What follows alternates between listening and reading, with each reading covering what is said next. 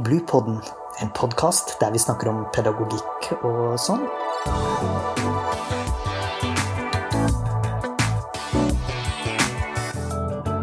Podkasten er laget av barnehagelærerutdanninga ved Høgskolen på Vestlandet.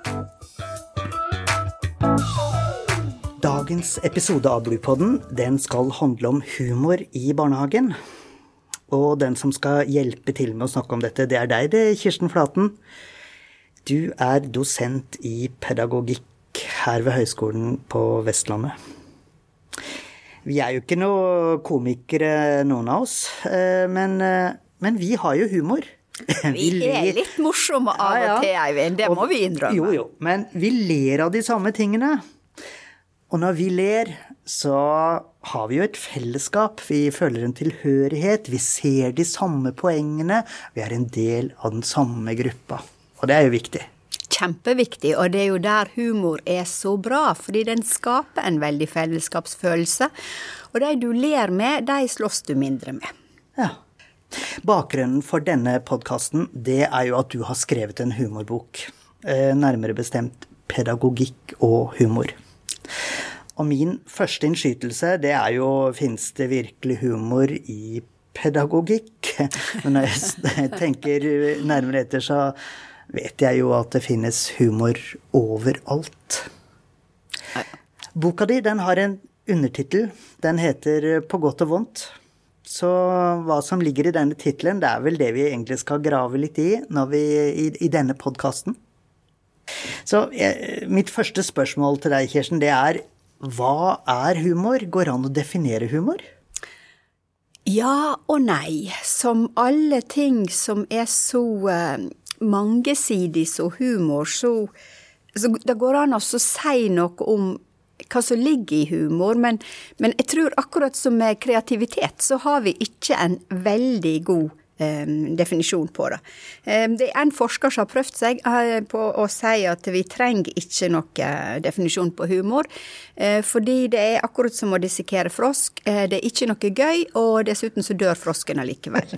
Sånn at det var det nærmeste vi kommer en definisjon, ja. Jeg må bare få lov å si at jeg har ikke skrevet ei humorbok, jeg har skrevet ei bok om humor. Det er ikke ei morsom bok. Men hvis folk ler, så må de bare gjøre det under lesinga, men da har jeg vært ufrivillig morsom. og det er humor, det òg. Vi snakker om det å ha humoristisk sans. Så det jeg lurer på, det er jo eh, Er humor en del av sanseapparatet vårt? Er det måten vi registrerer verden på? Kan det være en del av dette? Veldig godt uh, spørsmål, Eivind. Eh, altså, humor er jeg tenker også, Hvis du tenker fysisk sanseapparat, så er vel ikke humor en del av det, men humor er en del av måten vi tolker sanseinntrykk på. Uh, og vi ser òg, hvis vi ser på barns utvikling av humor, så er det jo den um, altså fysisk leing og kitling og, og beve, altså bevegelse. Altså unger ler bare ved å bevege seg de, når de er små og nettopp har fått dette til. Og, uh, men, men etter hvert så ser vi humoren for en mer Altså du må ha litt forståelse for verden for å utvikle en humor som du kan dele med, i, i gruppa. Og det er Ja, når vi ser på barns eh, humorutvikling som går i trinn, så er det jo veldig sånn tydelig kognitiv utvikling, der du tolker verden Først tolker du den rent fysisk, og så kommer språket inn, og så kommer mer sånn avansert språk inn. Og så har vi, har vi jo òg disse slapstick-humoren som går på mer sånn bevegelse og sånt. Og det, det er det humorforskeren kaller den evige tenåringen, for den blir litt sånn slitsom i lengden. Men uh, humor er tett knytta til måten vi forstår verden på. Og noen Altså, det å le mye Jeg trodde jo det å le mye var å være en stor humorist, men det er det ikke. Da er du bare lattermild. Uh, men det å, få, det å, skjønne hva som er morsomt rundt deg, uh, det er kjernen i å, være, å ha humor. Går det an å si noe om humor og lykkefølelse? Å ja. Du, du, du har jobba i barnehage, Eivind, har ikke du? Ja. Ja, har du sett barn som bare ler og ler i grupper, og de virker fullstendig ute av kontroll? Ja. Ja. Group glee. Har ikke vært forska på siden 1975, eh, så jeg tenker der har vi et område vi skulle sett mer på. Men det handler om når barn bare begynner å le, og så ler den ene fordi den andre ler, og så til slutt så sitter alle og ler. Og de bare hiver seg på, og det er, er mye, mye bevegelse. Og til slutt så blir det bare lyder. Um, der har du den veldig gode humoren. For barn som er inn, inne i den group-glien, de, de, og de er så glad i hverandre. De, og de er med å skape sånn sosial lykkefølelse. Som, som binder dem sammen som gruppe, og det samme gjelder voksne. For da, da, da, da slapper vi av, stresset vårt går ned, og vi kjenner at det er godt å være i lag med noen. Og hvis det ikke da er lykke, hva er da lykke? India har jo, noen, har jo en terapiform som er sånn latterterapi. Ja. Har du hørt om det? Å ja da. Jeg eh, hadde en forelesning for London for en stund siden. Der satt ei indisk dame, og hun eh, fortalte da om eh, denne her lattergruppene som var der. Og hun sa når hun var barn, så gikk de gjennom parkene i India. Hun spesifiserte ikke hvor i India, men hun sa da vi gikk før, før jeg, når jeg skulle på skolen og mamma og pappa skulle på jobb, og så gikk vi forbi disse gruppene som satt i, i parken, og de satt bare og lo. Og så hadde de en instruktør som fikk de til å le, og hun sa ikke noe om fortalte han vitser, kitla de hverandre, men da var, de satt og lo i lag. Humor, det kan jo brukes som en avledningsstrategi. For eh, Og vi kjenner jo det til det i barnehagen. Du har dårlig tid, skal levere et barn. Og så begynner barn å bli lei seg og alt dette her, og så igangsetter man humor som en strategi for å overtale eller å få barnet med på notene. Ja, og hvis barnet blir med på notene i den forstand at det begynner å le litt og se at ok, det kan være kjekt at jeg går inn i barnehagen, så tenker jeg det er helt ok. Um, fordi ofte så er det de samme barna som gruer seg litt til dette her hver morgen, og de, de da trenger både barnehage og foreldre en måte å få barnet inn i barnegruppa på, på en måte som er god. Um, og da kan humor være veldig godt til. og da Du kan si det er avledning, men den avledningen er, er, er bedre enn alternativet. At barnet blir sittende og gråte i garderoben eller grue seg eller bli sint. Så, så da tenker jeg å bruke humor som avledning der. Da vi så de andre barna at ok, her kommer han Petter eller Lise, og de gruer seg litt når mammaen og pappaen går, men så ser de at vi er her, og da begynner de å le og bli glad og vil være med oss. Så da får barnet signalisert, eller du hjelper barnet å signalisere til de andre at vi vil være i lag med deg, og den tenker jeg er bra. Men det er klart at når du er når du har god tid som personale eller forelder, og, og snakke litt med barn om dette, å være lei seg eller sint. Altså, det, det er to sider ved det, og da bruker ikke en humor til å avlede. Da, da bruker en heller tida til å ta den samtalen med barnet. Så da skal ikke humoren inn i det. Humor og relasjoner. Hva kan vi si om dette? Ja, eh, jeg skal sitere humorforskeren Morell. Når du får deg en kjæreste, så er humor viktig. Etter ti år inn i et ekteskap er humor det eneste som er igjen. Nei, men humor er veldig Altså, humor er viktig, og hvis jeg skal være litt mer seriøs, så er humor viktig for den psykiske helsa vår. Hvis humor forsvinner fullstendig fra hverdagen vår, så, så, er vi på vei inn i depresjon. Og det er òg et sånt tegn som jeg ber folk se etter. Hvis ikke du har Altså Noen hyler av latter mens andre smiler, der er vi ulike. Men hvis det ikke har vært noe som har gjort at du har smilt eller småhumra i løpet av den siste veka, så må du begynne å tenke på om, om, om du er i ferd med å utvikle en depresjon. Fordi altså, humor og psykisk helse er, er tvillinger. Mm -hmm. eh, og jeg tenker på at du har jo som angst som spesialfelt, og du har jo snakka i Bluepoden tidligere om engstelse og barn. Og humor og engstelse er vel på et eller annet vis beslekta? Ja, men engstelige barn, og voksne for den del, har en tendens til å, å Når de er i situasjoner som utløser angst, og det kan være mye for folk som har uh, legning for uh, engstelse eller angst, uh, de ser ikke det som er morsomt. De er mer opptatt av hva som kan være truende, og så mister de den der evnen til å tolke humor. Og når, sånn som når andre barn lager en situasjon som kunne blitt tolka som humoristisk, så har de lett for å tolke det som mer truende. Og da mister de en av de um, sosialiseringsmekanismene som, som, er så viktige for å bli trukket inn i gruppa. Og det er Altså, det går an å kompensere for, men vi som jobber med barn, um, og voksne, altså ungdom for den del, vi er nødt til å trekke inn den biten òg. Dette med å Ok, jeg skjønner at det og det var vanskelig, men kan du òg gi meg et eksempel på noe som har vært morsomt, eller som har fått deg til å smile? Mm. Så det handler om et mentalt overskudd til å ha begge dimensjoner i, i ja. omløp, for å si det på den måten? Ja. Og så er det veldig, veldig, som du sier, eh, mentalt overskudd. For humor, den der avslappa, gode humoren som på en måte bare dukker opp, den krever litt grann overskudd. Hvis du går og bekymrer deg for noe hele tida, så er det vanskelig å ha overskudd til humor. Mm. Når uh, studenten kommer ut i praksis eller begynner, i, begynner et arbeidsliv i barnehagen, ja. uh, så er jo humor én viktig ting mm. knytta til inntoning, det å bli kjent, mm. det å lære rett og slett barnegruppa å kjenne. Ja.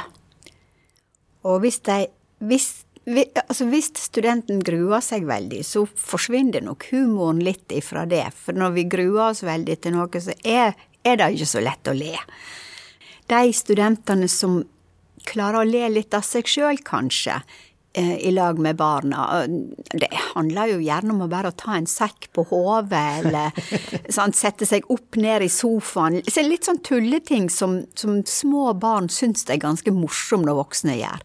Og du trenger ikke le så mye sjøl, du trenger ikke engang tenke at nå er jeg veldig morsom, men du bare gjør sånne situasjoner Eh, altså, gjør sånn som du veit barn opplever som morsomt. Det skal ikke mer til. Og når ungene begynner å le, så kjenner du at du sjøl slapper av. Plutselig så sitter du og ler du òg. Eller så går dere alle rundt med sånne sokk på hodet. Hvis vi ser litt på ulike humoristiske former Vi eh, har jo vært igjennom en sånn nokså ironisk tid. Eh,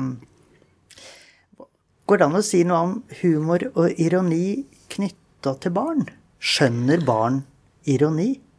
Ja, er jo, altså, ironi er jo knytta til mentale evner. Og nå, eh, nå, bor jo jeg i hus med en tenåring som er en ung tenåring som er veldig ironisk. Eh, okay. Enten hun skjønner det eller ikke. Ifølge henne så skjønner jeg jo ikke det, men hun har god forståelse for dette her. Men hvis du tenker yngre barn, så skal en være forsiktig med å bruke ironi. De de veit nok at det finst, og noen av de prøver å skjønne det, men for noen så er det Altså, da vil du bli en humørløs voksen hvis du prøver deg med den der eh, ironien. For det handler om kognitiv utvikling. Mm -hmm. Ironi blir òg regna som en negativ humorform, ja. fordi den er ganske frekk med folk. Ja. Og da kaller vi det den derre overlegenhetsteorien som de tidligere, eh, tidligere filosofene mente var var, var å være stygg med folk. Mm. Vi starta jo i, liksom i innledningen min, da, så snakka jeg jo noe om undertittelen på boka di. Um, på godt og vondt. For det finnes selvfølgelig negative og skadelige effekter av humor også. I barnehagen. Ja. det de gjør faktisk det i barnehagen, og jeg vet eh, det finnes forskere som sier da er det de voksne som har trukket det inn. Men jeg, jeg, jeg, er ikke helt sikker. Jeg har sett hvor, hvor fire-femåringer kan bruke latter mot andre barn. Og da er det dette der med å få med, altså, få med seg noen som ler sammen mot et annet barn. Og det er Det vil jo jeg karakterisere som mobbing. Og, og humor kan brukes sånn. Da blir humor et veldig mektig våpen. Og da veit vi jo som voksne, hvis vi er i en debatt, eh, det kan være på heimefronten, eller det kan være i mer faglige settinger. Mm. Hvis vi klarer å fremme poengene våre med humor, eller avvæpne motstanderen, eller slå ned den andre sine argument med humor, så er veldig mye vunnet eh, for den som klarer det. Men den som sitter, og den som blir utsatt for den humoren, vil nok ikke oppleve det som morsomt i det hele tatt. Og der har du den tosidige, tosidigheten som er med humor. Dette med at ok, den som, den som har det i sin makt, kan bruke det på måter som kan være veldig veldig vanskelig for den andre å forsvare seg mot. Og det er klart, i barnegruppa, hvis at flere ler av én person, og så sier, den, sier da barnet da at 'dette var ikke noe kjekt, jeg syns ikke det var gøy', da er det jo lett å si til vedkommende at 'ja, men du skjønner jo ikke humor'. Og så um, var det vel litt mer nyansert hvis en går inn i det. Mm -hmm. I pedagogisk sammenheng så snakker vi ofte om klassens klovn, og vi snakker om den klovnaktige, de klovnaktige barna, eller de som setter ting på hodet. De har et formspråk som kan være veldig humoristisk eller komisk, men utfoldet, ja. det kan jo være nokså tragisk. Jeg siterer jo en, en, humorist inni der, og han sier at ok, hvis du er god på ski, så blir du sendt inn til, til gymlæreren. Hvis du er god i musikk, så sender de deg på musikkrommet. Er du en stor, har du humoristisk talent, så blir du sendt til rektor. Sånn? Altså, det viser litt om, om, hvor forstyrrende vi opplever det. Men Klassens klovn er Altså, det er mange nyanser med den, men der er òg eh, Vi ser òg at det er en sånn gruppe som jeg har gode lederegenskaper og er flink å få med seg, og leser mm. sosialt spill veldig. For det må du klare skal du være god på å formidle humoristisk. Mm. Er det noen sammenheng mellom læring og humor? Ja, for humor gjør at vi slapper av litt, altså du får vitaliserte kognitive funksjoner, oppmerksomhetsfunksjoner. Og så er det da tilbake igjen til det som jobber. Så humor brukt rett er, har et veldig sånn, godt læringspotensial. Og du husker faktisk bedre når det har vært eh, humor i, eh, i den settingen der du skal lære. Mm -hmm. Men i barnehagen er det mye latter, og du ser at personalet ler, ungene ler, og de ler i lag. Eh, og de kan helt sikkert le litt for seg sjøl òg. Og det er sunt. Altså igjen den der humoren som skaper sosiale bindinger og lager relasjoner, den er kjempeviktig. Vi har jo eh, snakka om humor i pedagogikk nå. Det, går det an å oppsummere dette her i tre sentrale punkter, f.eks.? Ja. Humor den har en plass i barnehagen som den har gjennom hele livet vårt. Det sier humor skal finnes til langt inn i eh, aldersheimene. Det er viktig. Og så eh, i barnehagen skal voksne tåle disse her eh, grouply-situasjonene, eller latterraser, som Frode Søbstad kaller det, som handler om at barn bare ler og ler i lag, og til slutt så er det ingen som veit hva de ler av, men ler gjør de. Og det er veldig bindende for gruppa, altså sosialt bindende for gruppa. Og så skal ikke humor struktureres inn i noen læreplaner. Det, det, skal være der og gjennomsyre oss, og så skal vi tåle at det der er perioder uten humor i løpet av dagen, og så skal vi tåle når det er latter.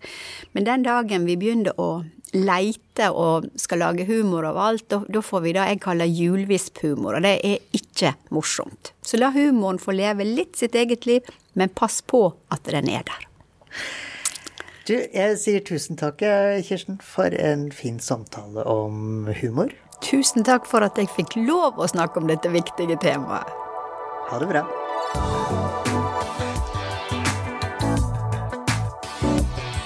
Podkasten er laget av barnehagelærerutdanninga ved Høgskolen på Vestlandet.